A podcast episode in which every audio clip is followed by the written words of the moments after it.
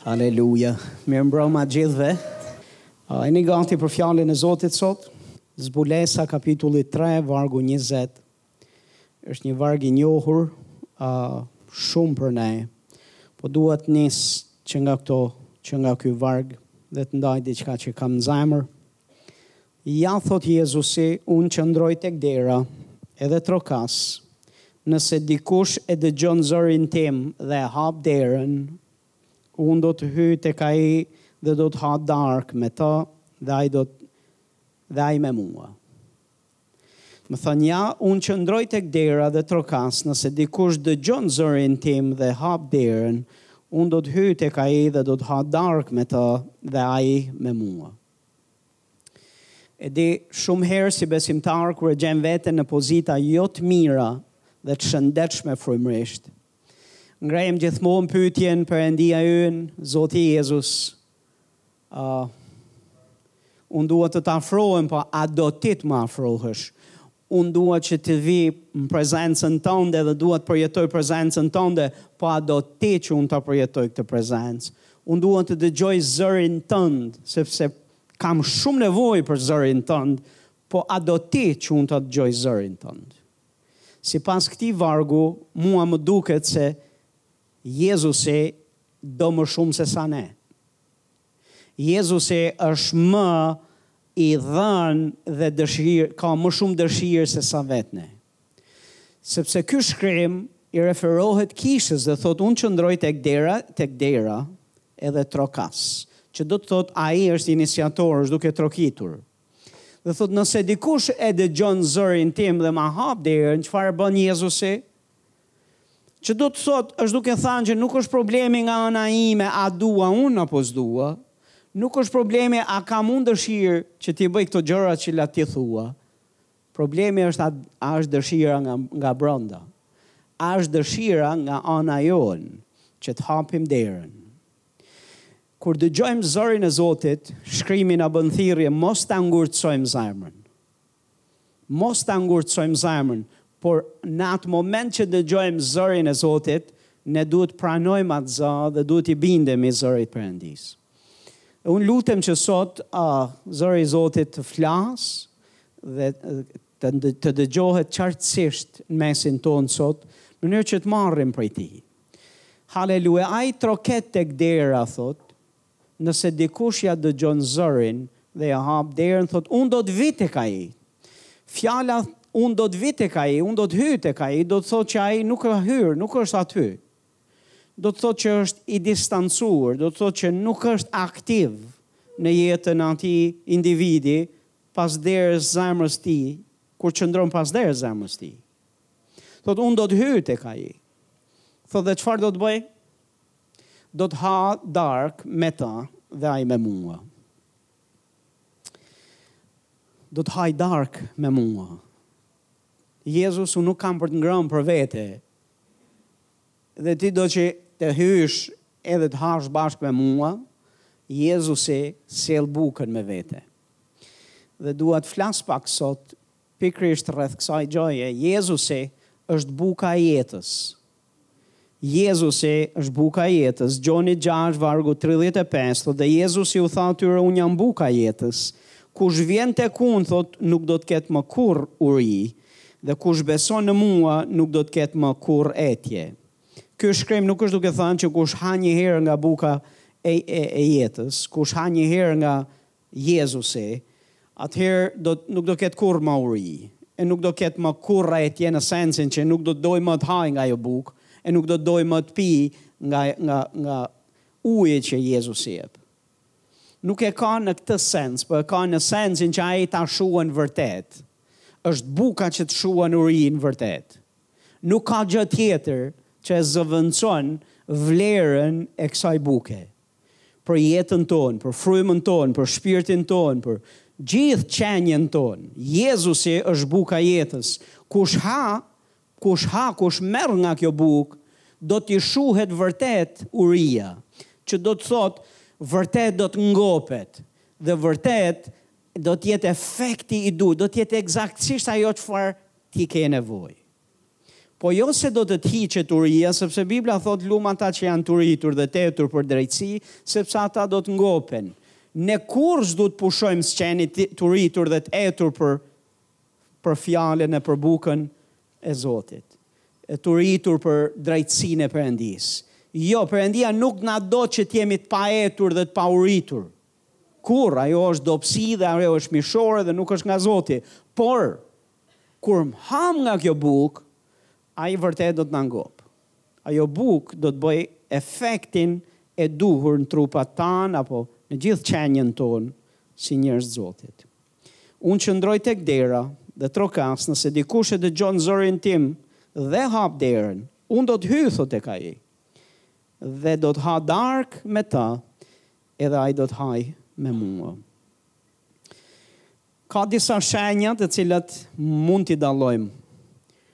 Ka disa efekte të cilat i ndodhin dikujt kur i ka mbyll derën Jezusit. Dhe kur është Jezusi jo aktiv në jetën e tij.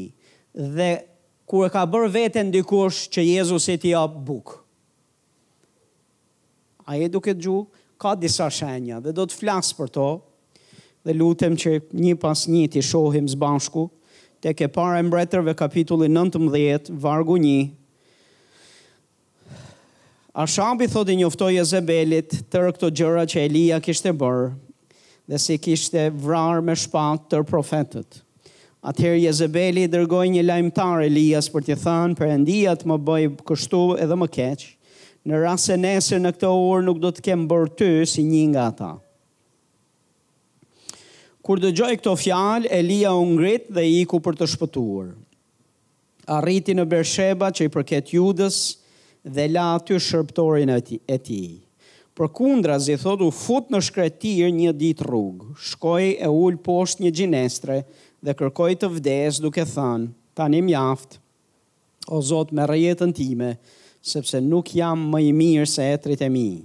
Pastaj, thotë, u shtri dhe e zuri gjumi poshtë gjinestrës, Por, por ja thotë që një engjëll e preku dhe i tha çohu dhe ha. Le të themi bashkë, çohu dhe ha. Tani të shohim pak më sipër disa prej atyre shenjave të ndarjes nga burimi i hirit, të ndarjes nga burimi i hirit, të ndarjes nga Zoti. Nuk ka rëndësi se çfarë na ndan prej tij.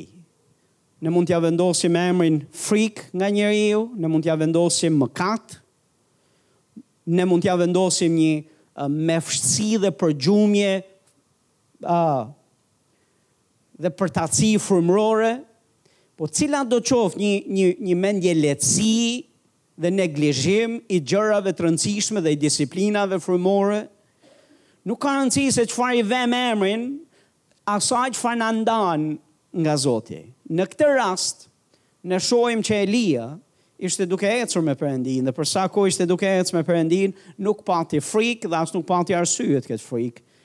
Perëndia e përdori në Malin Karmel, pati një fitore, sukses të jashtëzakonshëm, i gjithë Izraeli u kthy tek Zoti, profetët e rremë u vranë dhe u sfidua ajo, ajo, uh, idhujtari, e cila mbante peng gjithë një popull. Perëndia e përdori këtë burrë të Zotit, por në këtë moment kur Jezebeli foli, gruaja e Ashabit, gruaja e mbretit më të lig, thot Bibla, që ka njoftë historia e Izraelit. Mbreti më i lig, kjo ishte edhe më e ligë. Dhe ishte një kombinim, një kombinim ligësie i frikshëm, i tmerrshëm.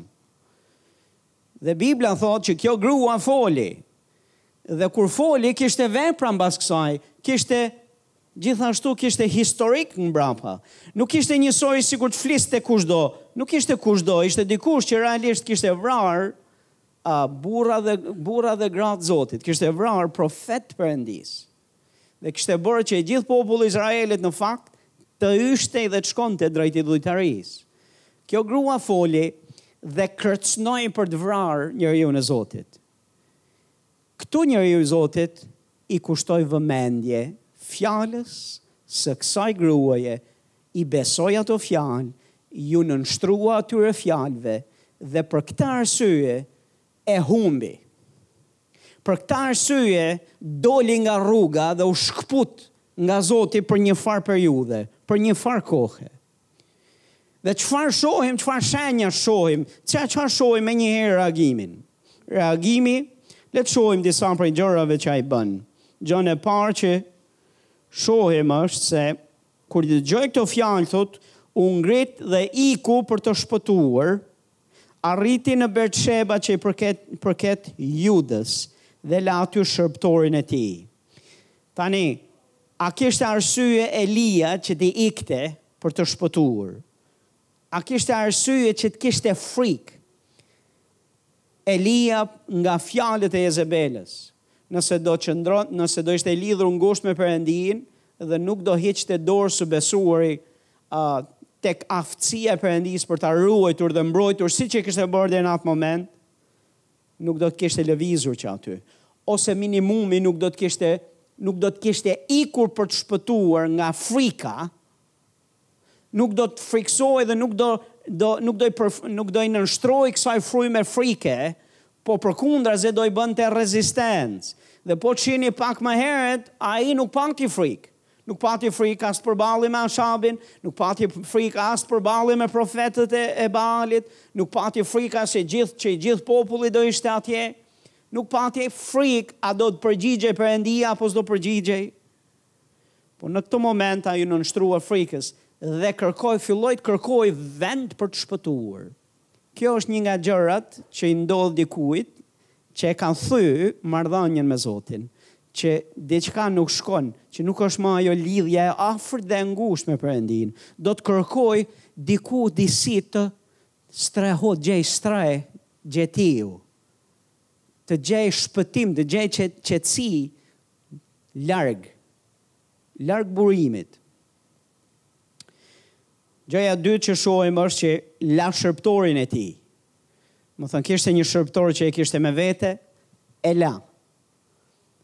Um, zakonisht një, një nga shenjat që do të shihni është kur njerëzit, kur ti kur fillon e kërkon të rrish larg njerëzve, kur nuk i do afër, kur nuk do që të rrish me ta, të kalosh kohë me ta, po përpiqesh dhe iu largohesh dhe kërkon ke një lloj izolimi, askush nuk e di. Ti e di në zemrën tënde. Ti e di vetë vet vetiu kur mezi pret të rrish me njerëz edhe do të rrish me njerëzit e Zotit dhe kur do të shkputesh edhe të rrish në atë guackën tënde. Nuk është e thënë që ti të mos rrish me njerëz që të jesh i izoluar prej tyre. Ti mund të jesh mes njerëzve dhe të jesh më i izoluar se sa se sa çfarë të them, se sa kushdo tjetër, se sa çdo gjë tjetër. Sepse izolimi është i brendshëm. Izolimi është qëndrim i yti. Ti mund të jesh mes njerëzve, po je vetëm. E la thotë aty shërbëtorin e vet.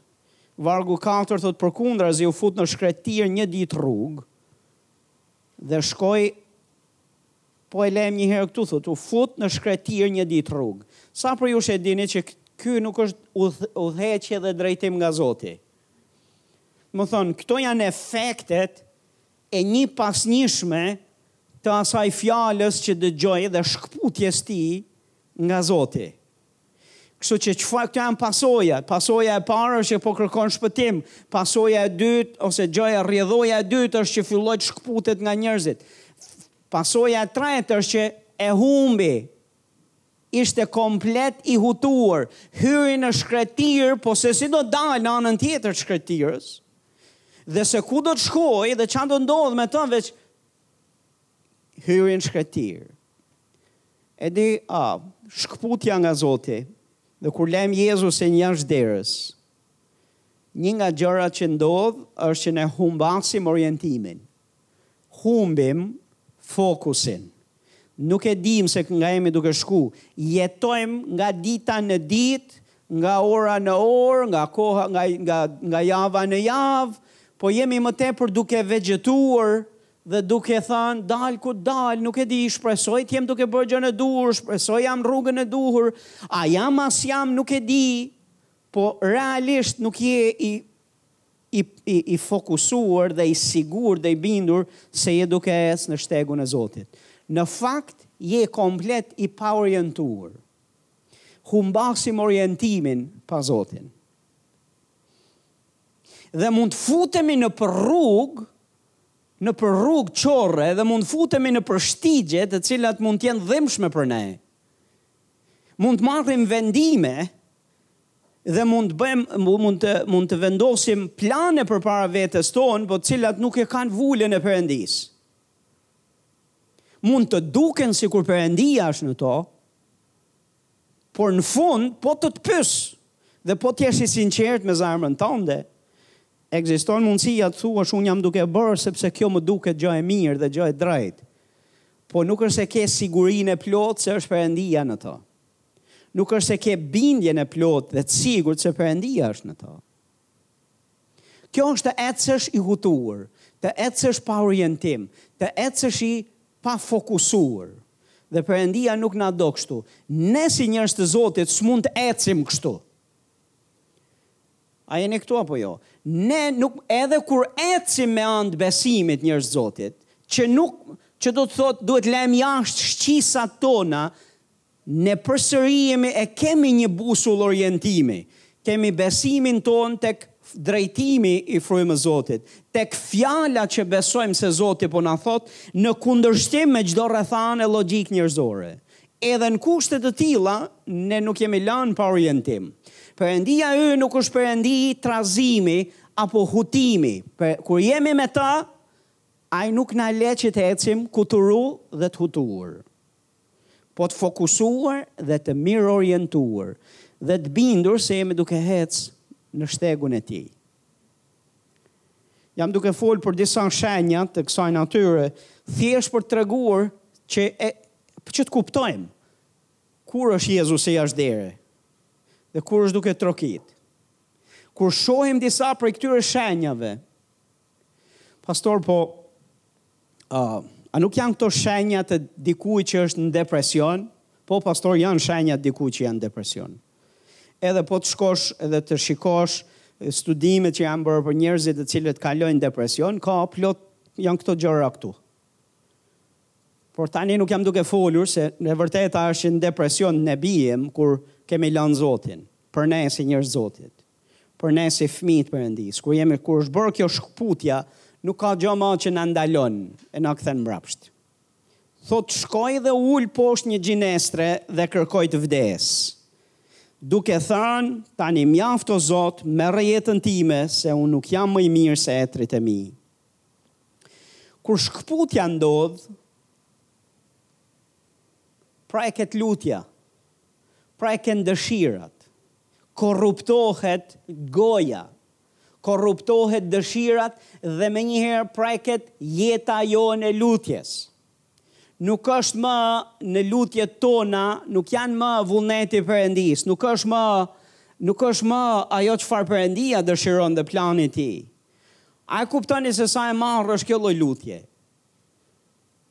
Është duke u lutur që të vdesë. Njeriu i Zotit është duke u lutur që Zot ma merr jetën. Dhe është duke thanë, sepse unë nuk jam, merre jetën time se unë nuk jam më i mirë se etrit e mi. Goja e tij është korruptuar, lutja e tij është korruptuar. Sepse ka ardh në këtë, ka ardh në këtë pikë. Haleluja! Pastor, kjo është një prej atyre shenjave. Në qoftë se do të shohësh a je duke ecur ngushtë me Zotin apo jo, pastor vetëm bëj një kontroll të folurës tënde. A, dhe mendimeve të cilat ti proceson dhe ju jep dhe i lejon të da, të shkojnë pa frerë. S'të ka gju kush, Sepse jemi bërë, jemi bërë profesionistë si besimtarë, ëh, jemi bërë profesionistë dhe dimë si të sillemi kur jemi me njerëz dhe dimë si t'i frenojmë edhe disa gjëra kur jemi me njerëz, po dimë edhe se si ta lirojmë veten tonë kur jemi vetëm dhe kur është janë thjesht mendimet tonat.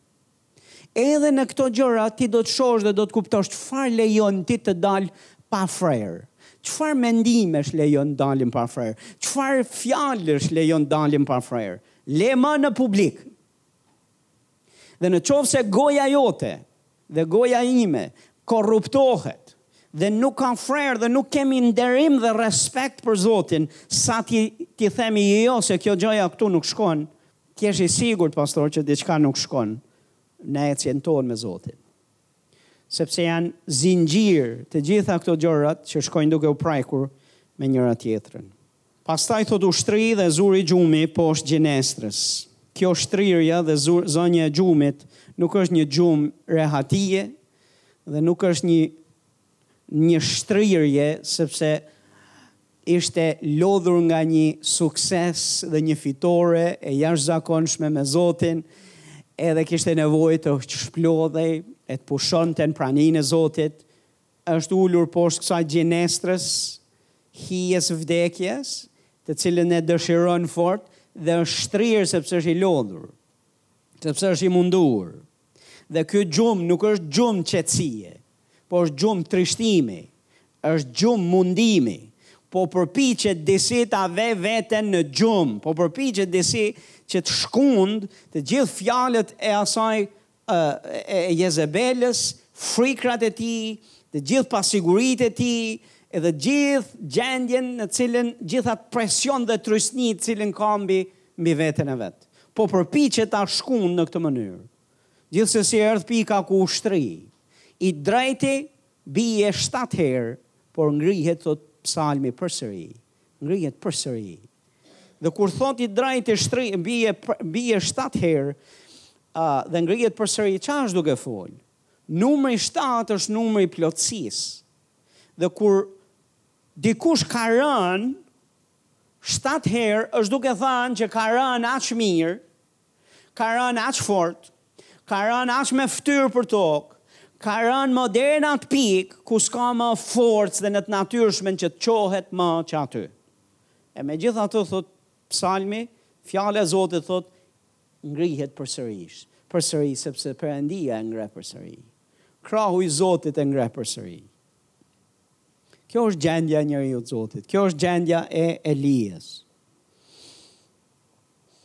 Por shifni se çfarë thot, por ja thot një angjëll e prajku dhe i tha, çohu dhe ha, le të themi bashk, një angjëll e prajku dhe i tha, çohu dhe ha. Unë trokas tek dera, nëse dikush ma dëgjon zërin, e hap derën, unë do të hyj tek ai dhe do të ha dark bashk me të. Do të ha darkë bashkë me të. Dhe ai me mua. Kjo është një trokitje e Perëndisë. Perëndia hyri në skenë. I hyri në skenë në pikën më të fundit të këtij burri. Hyri në skenë dhe e prajku. Një prajkje nga Zoti dhe jeta jonë ndryshon për gjithmonë. E prajku dhe i tha, Çohu dhe ha. Angjëlli i Zotit, i dërguar nga Perëndia, kishte gatuar një bukë, ushqim, për të ngranë për këtë burrë. Ai thotë shikoi dhe pa pranë kokës së tij një kulaç të pjekur mbi gurë të nxehtë dhe një enë me ujë. Ai hangri dhe piu, pastaj thotë përsëri u shtri. Domethanë, vetë Perëndia i dha ujë dhe vetë Perëndia i dha bukë për t'i dhanë atij forcë dhe thotë por përsëri ai u shtri. Angjëlli i Zotit u kthye për herë të dytë. Ti mund të kesh marrë një prajkje nga Zoti, po bateritë tua mund të jenë aq të shkarkuara sa mund të kesh nevojë për prajkje tjetër.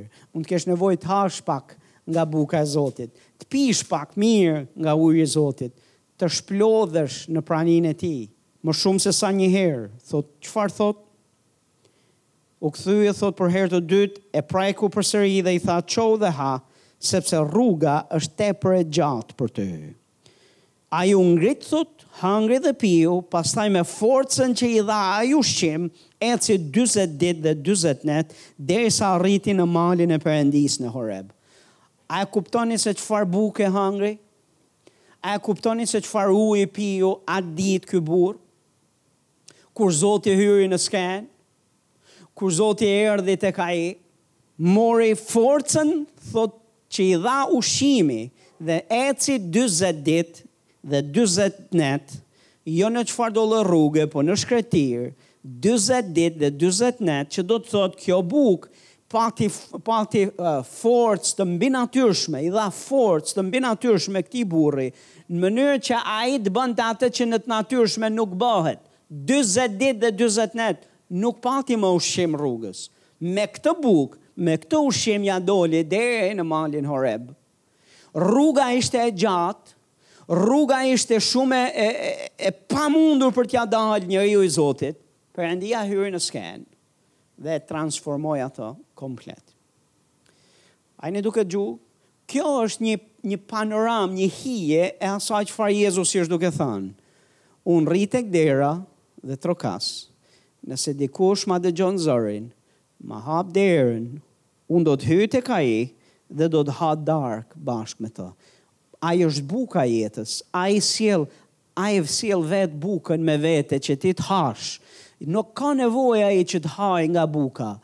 Ka, ai është buka që ti ke nevojë të hash në mënyrë që të marrësh jetë, në mënyrë që të marrësh forcë, në mënyrë që të të shuhet uria vërtet, në mënyrë që të të shuhet etja vërtet, në mënyrë që ti të marrësh forcë dhe t'ia dalësh për të kaluar në anën tjetër se me forcat tua ti nuk mund të bësh më hapa. Se ti nuk mund t'ia dalësh më.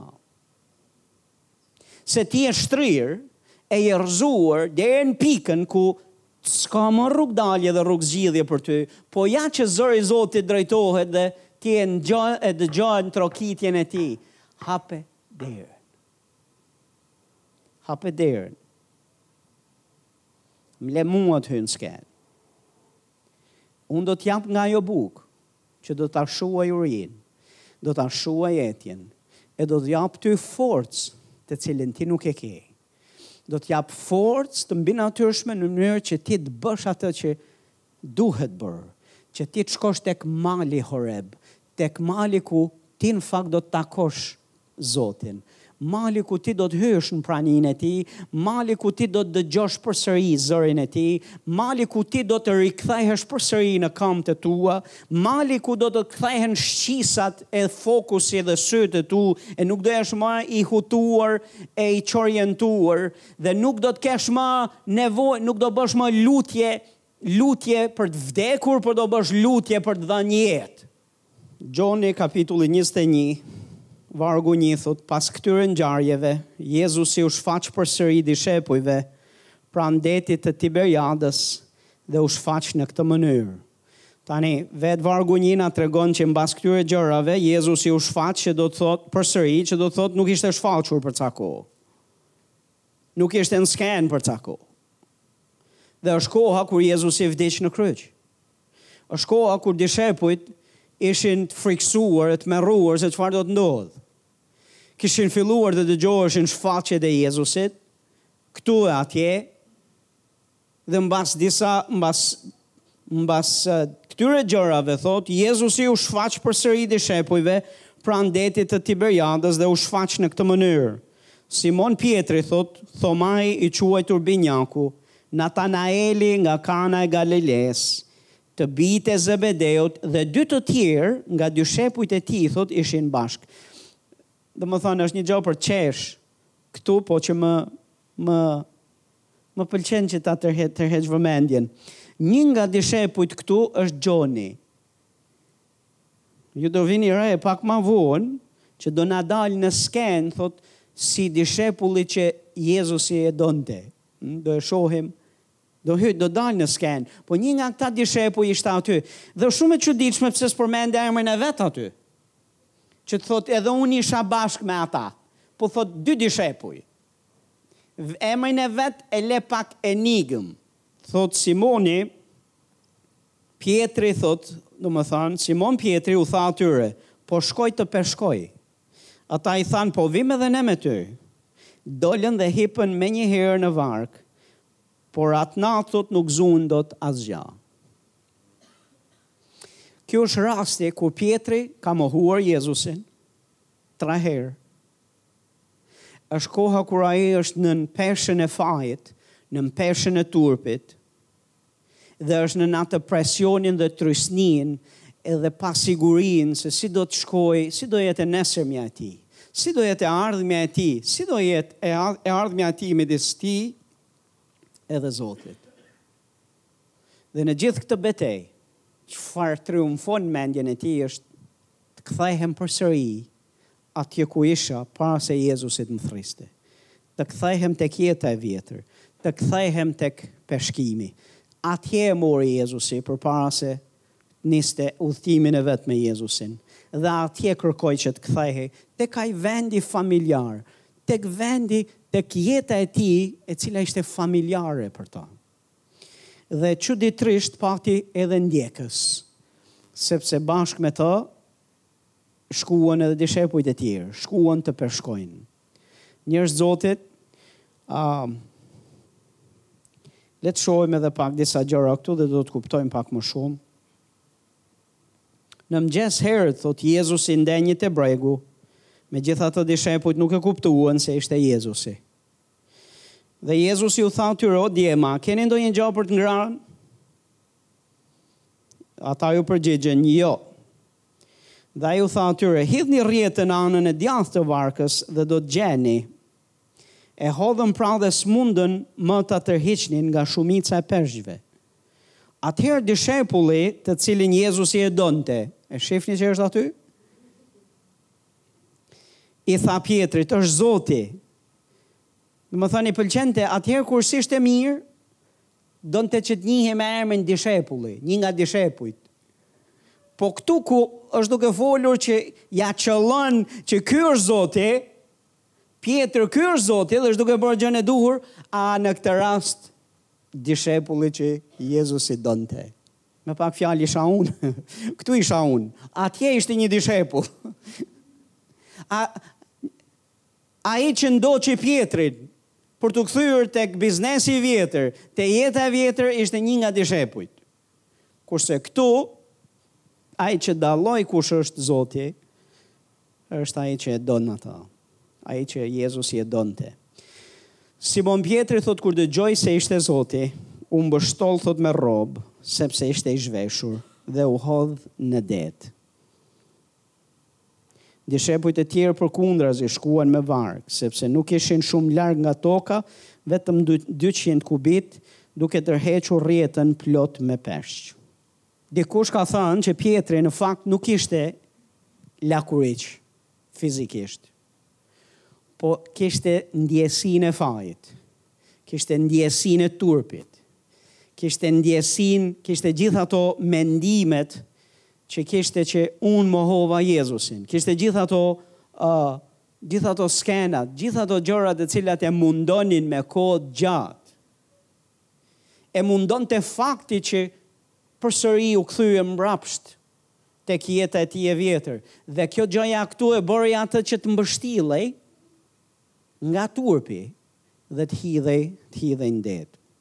Sa është e vërtetë kjo pastor nuk e di.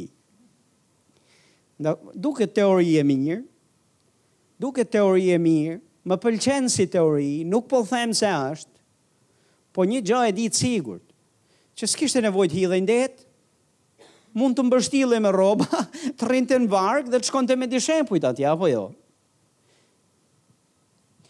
Mund të ketë qenë dhe lakuriq, po mund të ketë qenë edhe me gjithë peshën e këtyre gjërave të tjera, që u hodh në det. e u hodh në det nga turpi, e u hodh nga në det sepse e e dinte dhe e dinte që ishte i padenjë, ishte ndjesia e padenjësisë për t'u takuar me Jezusin. Mirëpo lajmi i mirë është se Jezusi nuk iku që të largohej nga bregu, po priti derisa derisa Pjetri të lodhej të bënte not në në ujë, edhe mbasi të lodhej mirë e mirë, ai s'kishte nga të shkonte, duhet të vinte përsëri dhe erdhi në breg. Dishepujt e tjerë, thotë, shkuan. Thotë, dhe kur shkuan, thotë, po tërhiqnin rrjetën plot me peshq. Mbasi dolën në tokë, panë një zjarr me prush dhe mbi të peshk edhe bukë. Domethënë Jezusi, nuk kishte, kur i pyeti ata, a keni diçka për të ngrënë, nuk është se i mungonte aftësia, nuk është se i mungonte ushqimi. Sepse ai është duke ngrënë, në fakt. Ka edhe peshk vetë, ka edhe bukë, Nuk ishte duke kërkuar që të hajë për veten e vet. Jezusi në fakt ishte duke u bërë pyetjen, A keni ju ndonjë gjë për të ngrënë? Ku jeni ju? Ku është gjendja juaj?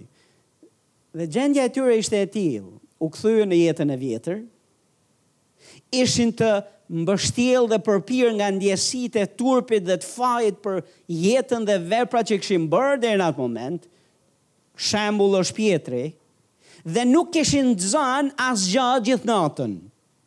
Që do të thotë, gjithë natën ishin munduar në forcat e veta të ndarë të ndarë nga nga drejtimi dhe i, i Jezusit dhe udhëheqja e Jezusit dhe nuk kishin zënë asgjë. Tani këta që peshkuan ishin peshkatarë të zotë. Të aftë. Peshkatarë që me thanë ishte profesioni i tyre për të zanë, po më nuk zunë asgja, të paktën të thoshte që zunë diçka. Zunë një peshk, zunë dy, nuk zunë asgja, gjithë natën. Jezusi thotë tek Gjoni 15, vargu 5, ndaras prej meje, ju nuk mund të bëni dot asgja. Dhe kjo është një nga gjërat që njerëzit e Zotit duhet ta ngulisin në zemër dhe në mendje dhe të dimë, gjithsecili prej jush, përfshirë mua këtu dhe ju që jeni atje, pa Zotin, Jezus, ne nuk mund të bëjmë dot asgja. Ne nuk mund t'ia dalim. Ne nuk mund të bëjmë dot edhe ato gjëra që ne mendojmë se mund t'i bëjmë me forcat tona dhe aftësitë tona, edhe ato nuk do të funksionojnë. Sa më tepër gjëra të cilat nuk jemi thirrur për t'i bërë në forcat tona njerëzore.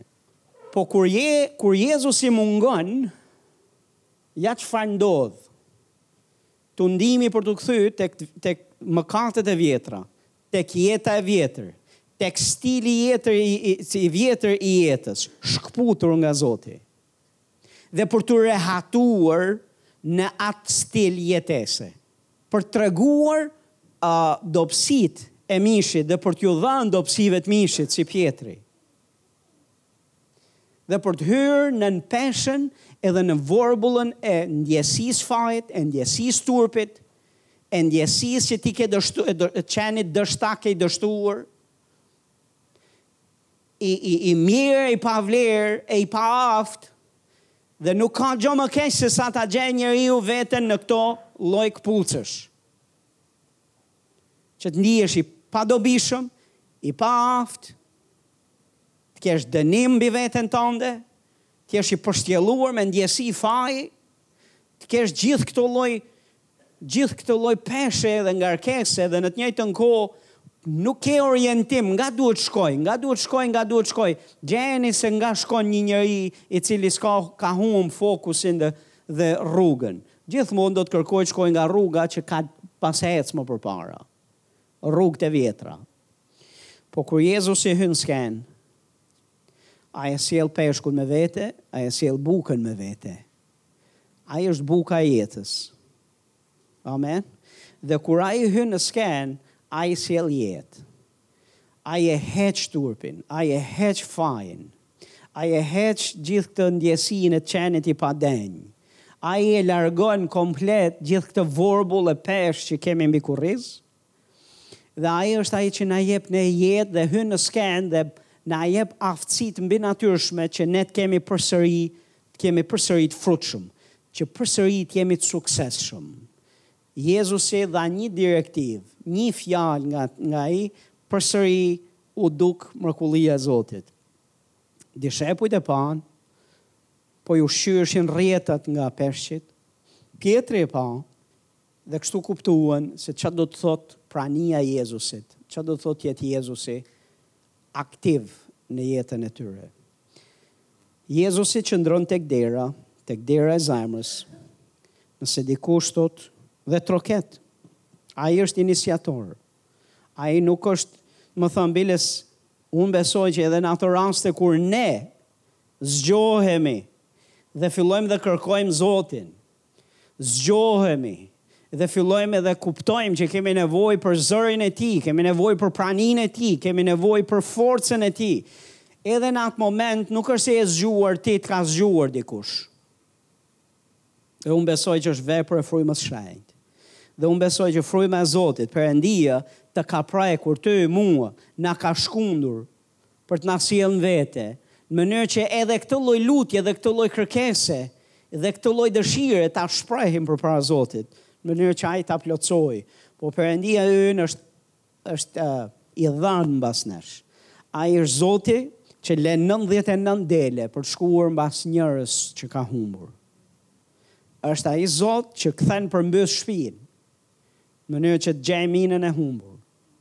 Është ai Zot i cili rri dhe pret dhe shikon nga larg nëse djali plangëprishës do të jetë duke ardhur.